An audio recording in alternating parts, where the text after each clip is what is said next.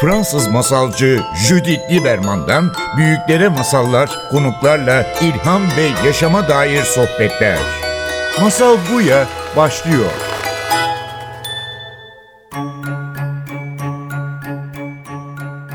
Masal Buya'ya hoş geldiniz. Bugün stüdyoda Asya Çağla'la birlikteyiz. Asya Kelime Yayın Evi'nin kurucusu ve yayın direktörüsün aynı zamanda. Hoş geldin. Hoş bulduk, merhaba. Ve beraber bugün çocuklar çocuklara kitap okutmaktan bahsedeceğiz. Ama ilk önce sana bir soru sormak istiyorum. Çocukken sana masal anlatıldı mı? Anlatılmışsa kim anlattı ve var mı hala bugüne kadar hatırladığın masallar? Evet çok şanslı bir çocukluk geçirdiğimi düşünüyorum. Çocukluğumda bana masal anlatıldı. Bana ve ablamlara annem anlatırdı. Ee, annemden hatırladığım çok güzel iki özel e, masal var. Onu da bir ara bir yazmayı düşünüyorum. Sonra yazılı olarak bir yerlerde rastladım ama annemden anlattığım kadarıyla o masalları biraz daha genişletmek istiyorum. Çok değerli anlardı benim için.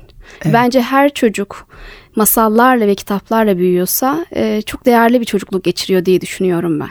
Ve sen de böyle masallarla büyüyen, masal anlatan bir anneyle büyüdün, büyüdün. Sen de anne oldun ve aynı zamanda çocuklar için kitaplar çıkartmak senin hayatının gerçekten merkezi. Bu dönem çok konuştuğumuz bir konu. Yani bu çocuklar okumuyor, ellerinden telefonlar düşürmüyorlar, Hı. sürekli ekran istiyorlar. Artık geleneksel basılı kitaplar bazı insanlar ölebileceğine bile inanıyor. Ama tabii ki çocuklar aslında çocuklar okumuyorlar mı? Aslında okuyorlar ama bir yandan da dinliyorlar. Dinlemeyi çok seviyorlar. Şöyle düşünelim ben çocukluğumu hatırlıyorum. Ben kitabı kendi başıma okudum ama masalları dinledim. Bugünün çocuğu da aslında kendisine kitap okunmasını bekliyor. Ebeveynleri ve öğretmenleri bu konuda bir tavsiyede e, bulundurmak gerekirse lütfen çocuklarınıza kitap okuyun. Siz onları okuduğunuz zaman hele de böyle görsel olarak resimleri, çizimleri, tasarımı nitelikli bir kitap sunduğunuz zaman o dijitalden gözünü, kulağını, ilgisini mutlaka uzaklaştırıp kitaba doğru yönlendirecektir. Buradaki önemli nokta e, iyi kitapla yani nitelikli kitapla çocuğu buluşturmak aslında. Ya tabii ki şey daha zor yani bizim alışkanlık belki bugün haydi bir video açmak yani çocuğu meşgul etmek haydi al tek başına veya gönül ister ki çocuğa bir tane kitap verebilsin ve çocuk köşesinde gitsin orada sakin sakin kitap okusun ama öyle olmuyor dediğim gibi yani çocuğu bir ilişkiye götürmek gerekiyor. Yani gel beraber yapalım. Ve bazı insanlara sanki ters geliyor. Yani ben okuyorsam o zaman çocuğum okumaya nasıl öğrenecek? İşte çocuğum okula gitti, okumaya öğrendi. Artık hep onun okuması gerekiyor. Benim okumam ne işe yarayacak diyen bazı insanlar var. Ama burada diyorsun yüksek sesli okuyun. Yani burada bir ilişki yaratıyor değil mi? Yani evet. ebeveyn diyecek ki ben de okumak istiyorum. Ben de bu kitapla vakit geçirmek istiyorum. Haydi gel beraber. Yani ben çok seviyorum yani bu fikir. Yani yüksek sesli kitap okumak. İlk sebebi şu. Lisedeyken Amerika'ya gittim. 15 yaşındaydım. Doğru düzgün İngilizcem yoktu. Ben Fransızım. Ve birden liseye gidiyorum. Kitap okumam lazım. Edebiyat okuyorum. İngilizce kitap okumam lazım. Zor kitaplar okumam gerekiyor ve hiç anlamıyorum. Ve kaldığım ailenin annesi bana yardım etmek için bana yüksek sesli kitap okudu. Çünkü ben tek başıma okuyamıyordum. O yüzden bu çocukların geçirdiği deneyimi e, ben yaşadım. Çünkü aslında yüksek sesli okunduğu zaman anlıyordum ve okumaya da biliyorum ama benim dil yeteri kadar gelişmediği için tek başıma beceremiyordum ve kayboluyordum içinde. Ve beraber roman okudum. William Faulkner belki İngilizce edebiyatın en zor okunulabilecek kitaplardan biri. Beraber okuduk ve güldük ve ağladık ve saatler sürdü çünkü büyük romanlar okumak. Ve birden bizim için yani yıllar sonra yani iki sene önce gittim Amerika'da beraber oturduk ve dedi ki ya bu neydi dedi. Beraber William Faulkner yüksek sesle okuduk. E ben 15 yaşındaydım. O seneler önce ama unutmadık. Beraber yüksek sesle okuduğumuz bu roman belki hayatımın en mutlu anlar diyebiliyorum. Mesele bir egzersiz yapmak değil orada değil mi? Bir şey paylaşmak. Ya birlikte bir anı paylaşmak aslında. Yani o kucağı paylaşmak, sevgiyi paylaşmak. Çocuğun kalp atışını duyabilmek ve çocuğun ebeveyninin kalp atışını duyarak kitap üzerinden bir bağ kurmak aslında. Bazen ebeveynler şöyle beklenti içinde olabiliyorlar. Sen kitap okumayı öğrendin, artık kitabını okuyabilirsin. Bu bir ceza gibi görünüyor çocuk tarafından baktığınız zaman.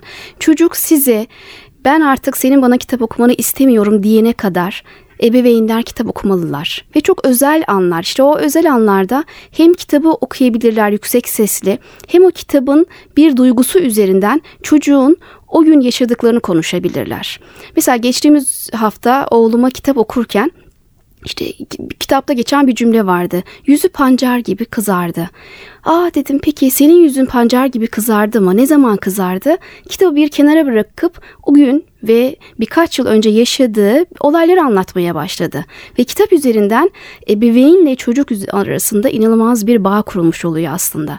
Ve çocuk bir süre sonra İster bunu ergenlik deyin, ister gençlik deyin. Belirli bir yaştan sonra zaten diyor ki sen beni kitabımla baş başa bırak, ben kendi kitabımı okuyabilirim. Ama o yaşa kadar bence ebeveynle çocuk arasında ki o bağ kitap üzerinden kurmak için inanılmaz bir fırsat var ellerinde ve bırakmasınlar.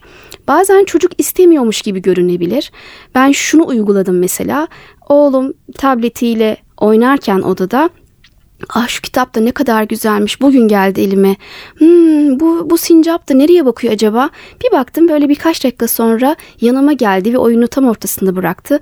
Biz o kitabın hikayesini resimler üzerinden kendimiz oluşturduk. Kitabın öyküsünü daha sonra okuduk. Yani çok güzel anlar.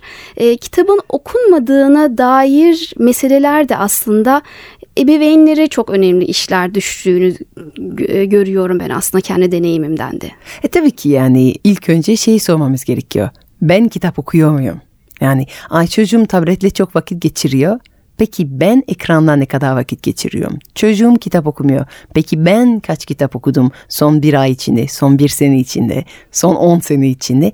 Evimde ne kadar çok kitaplar bulunuyor? Bir de çocuğum beni kitap okurken görüyor mu? Yani o da bir şey yani. Belki okuyorum ama görüyor mu, farkında mı, paylaşıyor muyum? Bence bu çok önemli gerçekten. Bir çocuğa şey demek. Benim yeğenlerim bana çok sorar. Bu kitap ne anlatıyor diyelim. Ben söylüyorum işte bu kitap bunu bunu bunu anlatıyor ve şaşırıyorum aslında çok merak ediyorlar yani. Ben keyifli söylediğim zaman ya bu kitap bırakamadım. O kadar keyif aldım dediğim zaman böyle görüyorum ki gözleri parlıyor. Hiç yaşları için uygun olmasa bile şey düşünüyorlar ya demek ki böyle bir ilişki yaşanılabilir bir kitapla. Ondan sonra onlar da gelip şey derler. Aa, ben de bu kitap elimden bırakamadım. Evet. Yani böyle bir şey mümkün yani. Bir kitap elinden bırakılamayabilir. Bir insan bir kitapla derin bir ilişki kurabilir. Bence önce bir bir örnek olmalıyız değil mi? Evet evet yani bu bir paket program aslında. Yani anne babanın sadece kitap okuması çocuğu kitap sever yapmıyor. Ama kitabı okur olarak görmesi, anneyle beraber kitap evine gitmesi, kitapları araştırması, babayla gidip kitap seçmeleri, evde okuyan anne baba görmesi gerçekten dediğin gibi müthiş bir o heyecanı zaten davet ediyor. Çünkü ne diyor uzmanlar? Çocuk aslında gördüğünü uygulamaya başlıyor. Bizim ona göstermemiz gerekiyor. Okuyan anne baba, okuyan ebeveyn, okuyan öğretmen, işte okuyan büyük anne, büyük baba gibi. Bütün bu örneklerle çocuk zaten kendine bir okuma listesi yapıyor. Ben de sıklıkla çok sevdiğim bir kitap var sana anlatmamı ister misin? Ben de şöyle bir duygu yarattı deyip soruyorum. Ve bir süre sonra artık okuduğumuz kitapları birbirimize paylaşmaya başladık. Bunların çok önemli ve duygusal anılar bırakacağını düşünüyorum çocukluklarda. Yani şimdi seni paylaşmak istediğim bir şey var. E, şimdi ona bakıyorum. Daniel Pennak diye bir Fransız yazar var. O da okurların hakları diye bir liste yapmıştı. Hiç duydun mu bunun? Ha, duymadım. Onun e, bir liste var ve özellikle çocuklar için söylüyor bunu. Bir okurun hakları nedir? Birinci hak, okumamanın hakkın var. İkinci, sayfa atlatmaya hakkın var. Üçüncü, bir kitap bitirmemenin hakkın var. Bir kitabı tekrar okumaya hakkın var herhangi bir şey okumaya hakkın var. Herhangi bir yerde okuyabiliyorsun. Küçük küçük aynı zamanda dört kitap okumaya hakkın var. Yüksek sesle okuma hakkın var. Ve susmaya hakkın var. Hepsine katılıyorum. İşte biz bu hakları çocuklara verdiğimiz zaman işte bize çok alıştığımız bir söz var ya ülkemizde kimse çocuk okumuyor. İşte bu hakları verdiğimiz zaman zaten bence bu cümle de kendiliğinden kendini yok edecektir. Biz yetişkinler olarak mesela fuarlarda karşımıza çok geliyor böyle bir şey. Kitabı beğeniyor, alıyorum ama okumuyor. E çocuk bu cümleyi duyuyor. Ama dediği gibi de e, yazarımızın çocuğun aldığı kitabı okumama hakkı da var. Beğenmeme hakkı da var. Mesela bir yemek hazırlıyorsunuz çocuğa ya da beraber bir restorana gidiyorsunuz. Beğenmediği bir yemek çıkıyor ya da yemek lezzetli değil. O yemeği bırakıp çıkma hakkımız var. Bunun Ve gibi bakıyorum aslında ben. belki de okumamak her zaman sevmediğimiz için değil ama ben kitapların kaderi ve zamanı çok inanıyorum. Ben çok büyük bir okurum, çok kitabım var, büyük bir kütüphanem ve çok da kitap satın alan bir insanım. Ama okumadığım çok kitap var evimde. Yani çünkü diyorum ki bu kitabın demek ki zamanı gelmedi. Sonra bir, gün alıyorum bu kitabı, okuyorum ve şey düşünüyorum. "Ah, İnanamıyorum yani bu kitap 5 sene mi bekledi? Ama demek ki doğru zamanı değil de ve bir çocuğa da bunu yapabiliriz. Yani ne olacak? Üç tane okumadığı kitabı dursun. Belki onlardan bir tanesini hiç okumaz. Onlardan bir tanesi seneye okur. Belki bir tanesi beş sene sonra okur. Ee, doğru zamanı beklemeye hakkımız var. Şimdi elimde üç tane kitabı var kelime yayınlarından çıkan. Ee, bir tanesi bitmeyen mitoloji tabii ki direkt masal bu ya bizim konumuz. Ve e, çok ilginç bir konu çünkü burada bir dramacı yazarı mitolojik hikayeleri çocuklar için çocukların anlayabilecek bir dilde tekrar anlattı. Başka bir kitabı kendi yolunda burada şey ile ilgilendiniz. Yani bazı meslekler var hep erkeklerin veya hep kadınların yaptığını görüyoruz.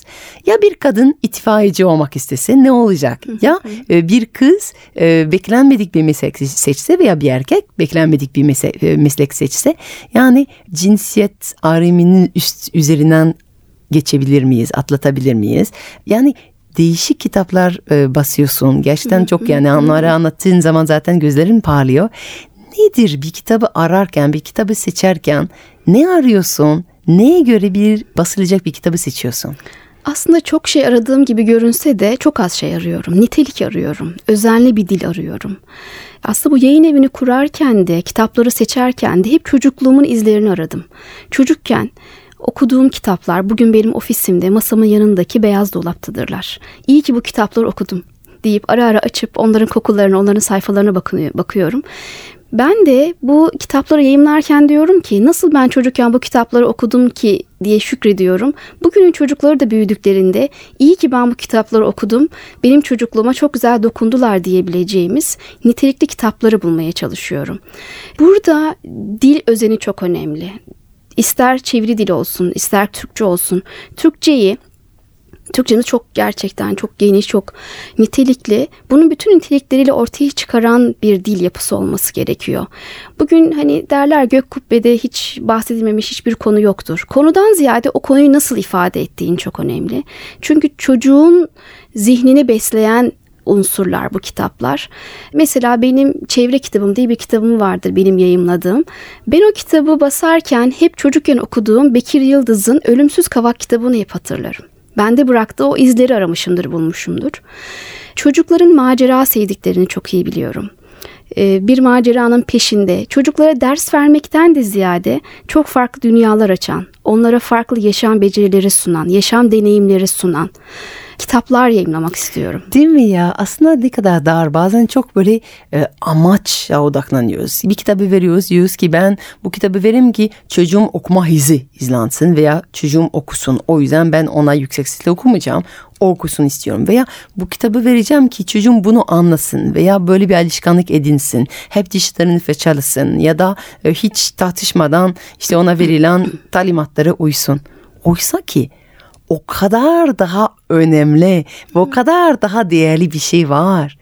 Hayal kurmak, mümkün bir dünyayı görebilmek, evet. işte farklı yolları çizebilmek, heyecanlanmak ve evet. biz aslında yani bir tarafında evet dişlerini fırçalayan ve tartışmayan bir çocuk var mı etmek istiyoruz yoksa inanamazsın hayal ettiklerimi anlatmak istiyorum, paylaşmak istiyorum. İşte böyle bir kitap okuduk veya beraber bir anı mı var etmek istiyoruz?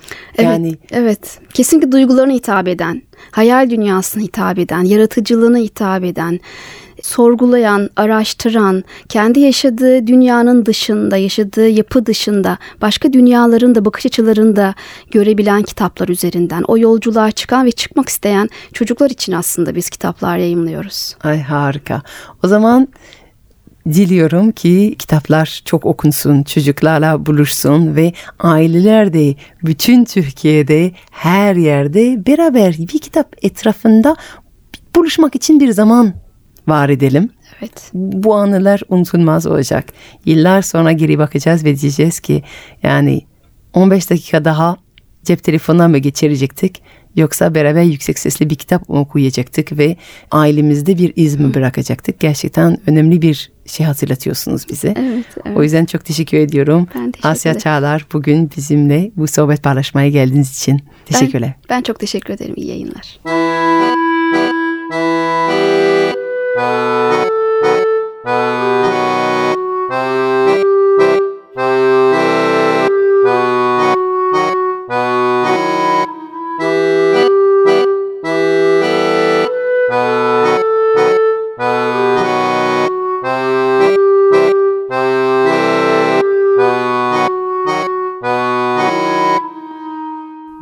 şehrinde yaşayan bir adam varmış.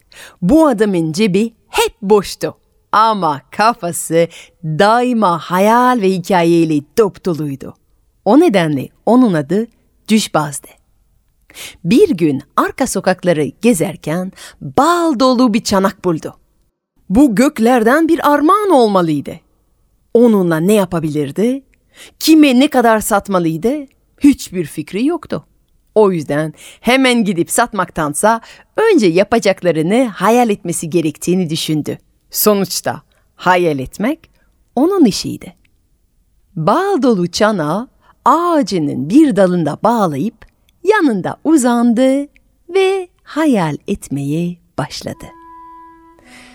Rüyasında ülkeye kıtlık geldiğini gördü. Sokaklarda herkes aç. Yemek arıyor, bayat ekmek altın fiyatına satılıyor. Her dükkanın önünde uzun kuyruklar oluşuyor. O zaman, evet, o zaman bizim düşbaz Badibu'nun sokaklarında balını satmaya başlamıştı.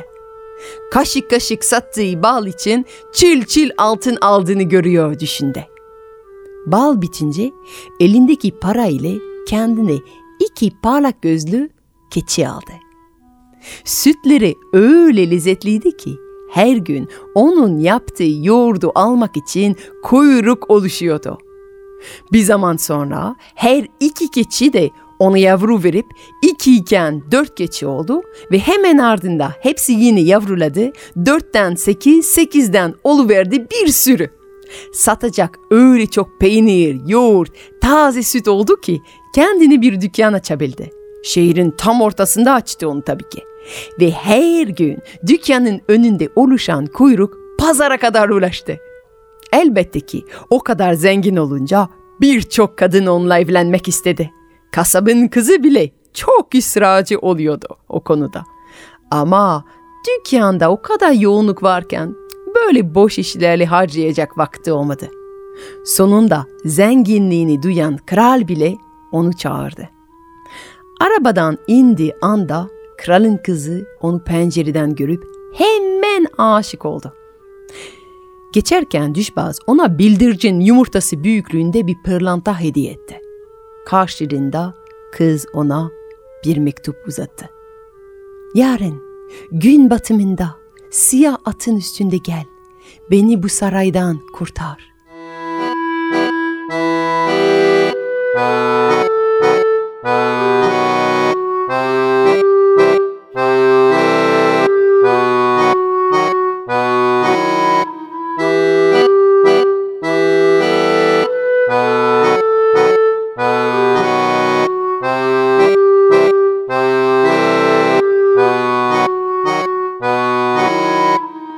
Bir sonraki gün düşbaz prensesi kaçırmaya geldi. Prenses balkondan atladı ve düşbaz onu yakalayıp atını dört nala sürdü. Kapıda onları durdurmaya çalışan muhafizlere büyük bir tekme attı. Ve işte o anda Bir kırılma sesi düşbazı uyandırdı. Dala astı bal çana rüyasında attığı tekmeyle düşüp paramparça olmuştu. Bütün bal çamura karışmıştı. Bal yok olmuştu. Ama düşbaz kırık çanağa bakıp üzülmedi. Bulduğu bal ona çok güzel bir hayal vermişti. Ve bu da unutulmaz bir lezzetti. Fransız masalcı Judith Lieberman'dan büyüklere masallar, konuklarla ilham ve yaşama dair sohbetler. Masal Buya sona erdi. Programın tüm bölümlerini ntvradio.com.tr adresindeki podcast sayfamızdan dinleyebilirsiniz.